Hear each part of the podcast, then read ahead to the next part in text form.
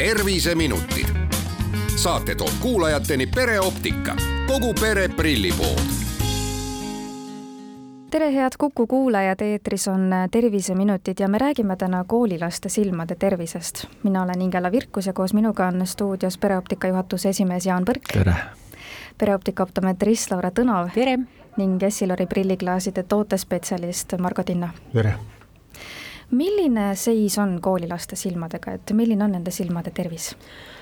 kuna arvutitööd ikkagi ja sellist lähitööd lastel on tunduvalt rohkem võrreldes eelmiste aastatega, siis ikkagi pigem see silmatervis liigub sinna kehvema poole. kaevatakse kuiva silma, kaevatakse ka pigem selliseid äh, lähitöö silmaväsimusi väga palju siin võibki nüüd vist öelda, et umbes kaks aastat on möödunud, kui lapsed ja tegelikult me kõik ju tegimegi arvutitööd ja distantsilt tööd, et äh, kas te olete juba oma töös ka näinud seda, et see on tõesti laste silmadele kehvasti mõjunud?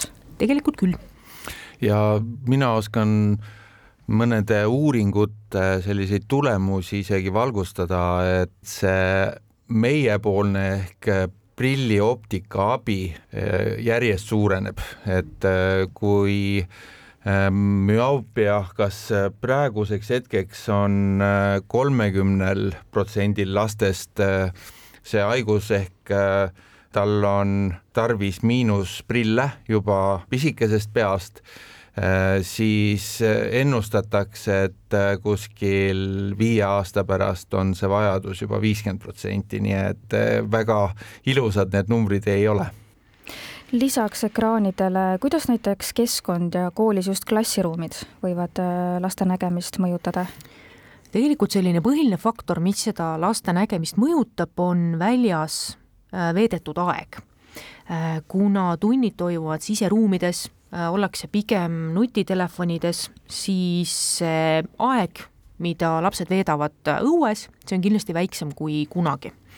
Äh, ja on märgatud seda, et kui me nüüd räägime miinusprillikandjatest, et äh, lapsed, kes veedavad vähem kui kaks tundi päevas väljas, siis nendel kipub see müoopia ehk siis see miinusprilli tugevus ka suurenema kiiremini. ja mina tahan natuke veel rohkem hirmutada, et kui on lapsepõlves selle äh, Äh, prillivajadus tekkinud, et äh, siis vanadusepõlves ja, ja üpris varakult võivad äh, juba tekkida ja see on suur soodumus siis juba nende väga halbade haiguste jaoks, et kõrge vererõhk ja igasugused noh, mis silmale head ei ole, et et need tulevad sellistel puhkudel palju kiiremini kui terve silmaga inimestel et tuleks ikkagi võimalikult vara märgata, et lapsel võib olla nägemisega probleeme. see on oluline, see on ülioluline. No kui me räägime näiteks algklasside lastest, nemad võib-olla ei oska kurta või öelda, et midagi on valesti või nad ei näe hästi tahvlile, et mida siis näiteks klassijuhataja või lapsevanem võiks märgata, et mis on need sümptomid, mis viitavad sellele, et äh, nägemisega võib olla mingeid probleeme? Äh, näiteks kissitamine tahvli peale äh, vaadates, ka näiteks selline asi, kui lapsed kaebavad peavalusid või silmavalusid, siis see võib olla probleem, kui lapsed ei jõua lugeda üle viieteist minuti järjest lähitööd või hakkavad kuidagi vähkrema. Kui laps hoiab pead mingisuguse kummalise kaldenurga all, paneb ühte silma kinni, et need on sellised asjad, mida võiks siis jälgida. jah, et üldised keskendumisraskused on need, mis, mida tuleks tähele panna, et need ei ole alati sellega tingitud, et laps lihtsalt ei viitsi või ei taha, vaid noh, mingi põhjus võib sellega olla nägemises. Kelle juurde siis tasuks kohe nende murede või märkamistega minna, kas silmaarsti, mm, optometristi, võib-olla hoopis perearsti? Äh, optometrist annab sellise esimese ülevaate äh, selle silma tervise kohta küll aga esimest prilli optometrist lapsele välja ei kirjuta, selleks on vaja spetsiaalselt silmalihaseid lõdvestavaid tilku panna silma ja seda teeb silmaarst.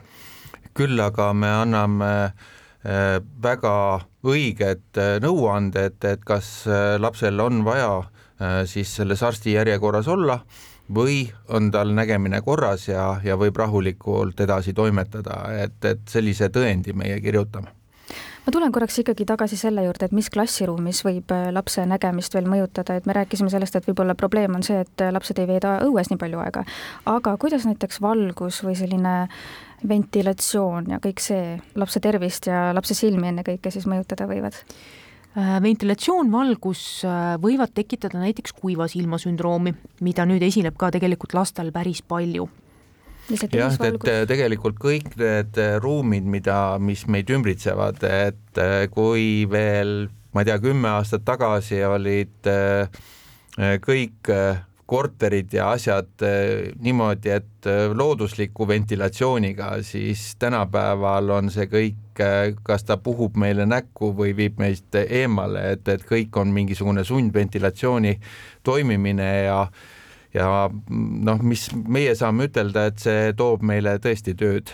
noh, lisada võib ka kunstvalguse sellist äh, nagu puudulikust äh, nägemis äh, noh, mehhanismile, et, äh, et valgus võib olla siseruumides vaene, et no päiksevalgus on see, mis sisaldab kõiki neid valguse komponente, mida meil nägemiseks ja arenguks vaja on, aga tehisvalgus on see, mis võib tekitada raskusi selles nägemises, võib-olla kui on see valgus liiga ere või liiga tume, siis seal võib olla teatud selliseid valgussagedusi puudu, mida meil tegelikult vaja on, eks ole, millega me näeme no alati on mõistlik äh, probleeme ennetada ja kui pärast siis nende tagajärgedega tegeleda, et milliseid nägemiskontrolle lastele tehakse?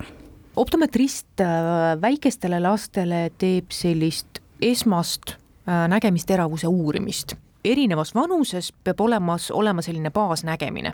ehk siis näiteks kui laps läheb kooli kuueaastasena, tegelikult tal veel nägemisorgan ei ole välja arenenud. see tähendab seda, et nägemisteravus on samuti kuskil selline kaheksakümmend protsenti. et äh, lihtsalt see nägemisteravus peab vastama vanusele. Äh, samuti optometrist kontrollib silmade koostööd ja kas on olemas binokulaarne nägemine, ehk siis kui on mõlemad silmad lahti, kas need mõlemad silmad ka korralikult vaatavad ja kui nüüd selgub, et äh, lapsel on vaja prille, määratakse prilliretsept, millega lapsele prille valides kindlasti arvestama peaks? no kindlasti peaks arvestama sellega, et äh, milline on see nägemisvajadus kõigepealt, äh, et millist läätseversiooni sinna, sinna leida ja loomulikult seda, et milline on raami valik, et kuhu kohta see lääts nagu läheb, et see peab sobima lapse näoga, olema võimalikult kerge võimalikult vähetuntav lapse näos ja ohutu. et äh, noh, siin on neid nüansse hästi palju.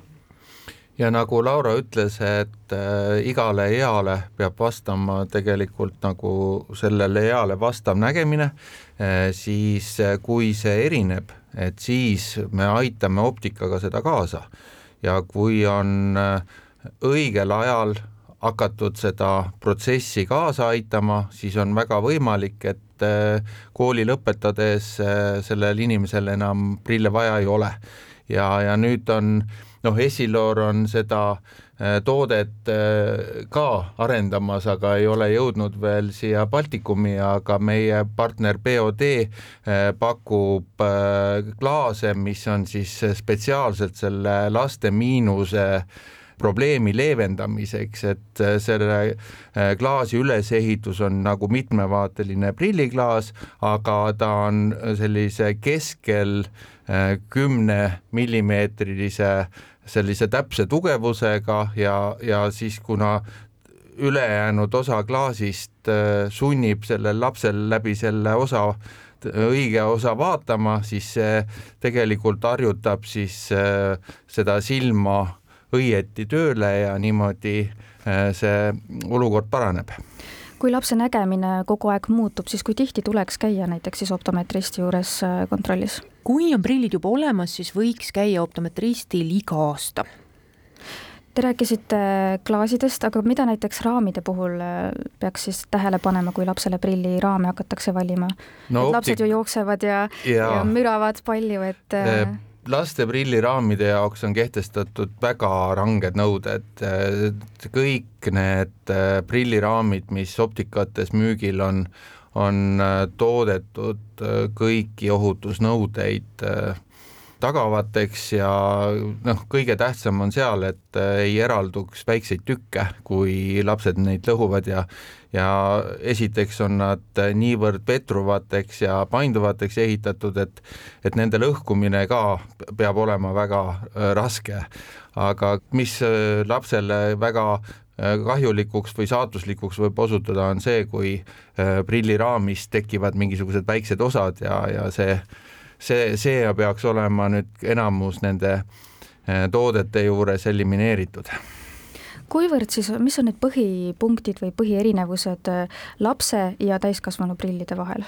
ega siin suuri erinevusi ei ole, kui, kui tõesti see materjalide, värvide ja, ja mida me oleme tähele pannud, et lapsed tõesti tahavad, et nende prillid sarnaneks täiskasvanud prillidega, et see on ja väga tähtis on see, et, et laps saaks just nimelt sellise mudeli, mis talle meeldib, et ta võtab selle rõõmuga vastu.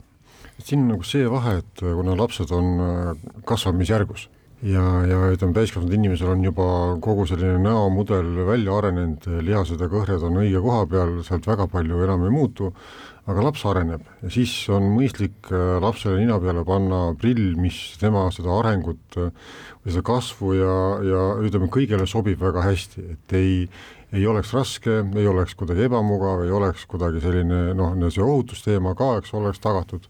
Nii et seal on mitu komponenti, mida tuleb tegelikult jälgida ja, ja nõu küsida poest.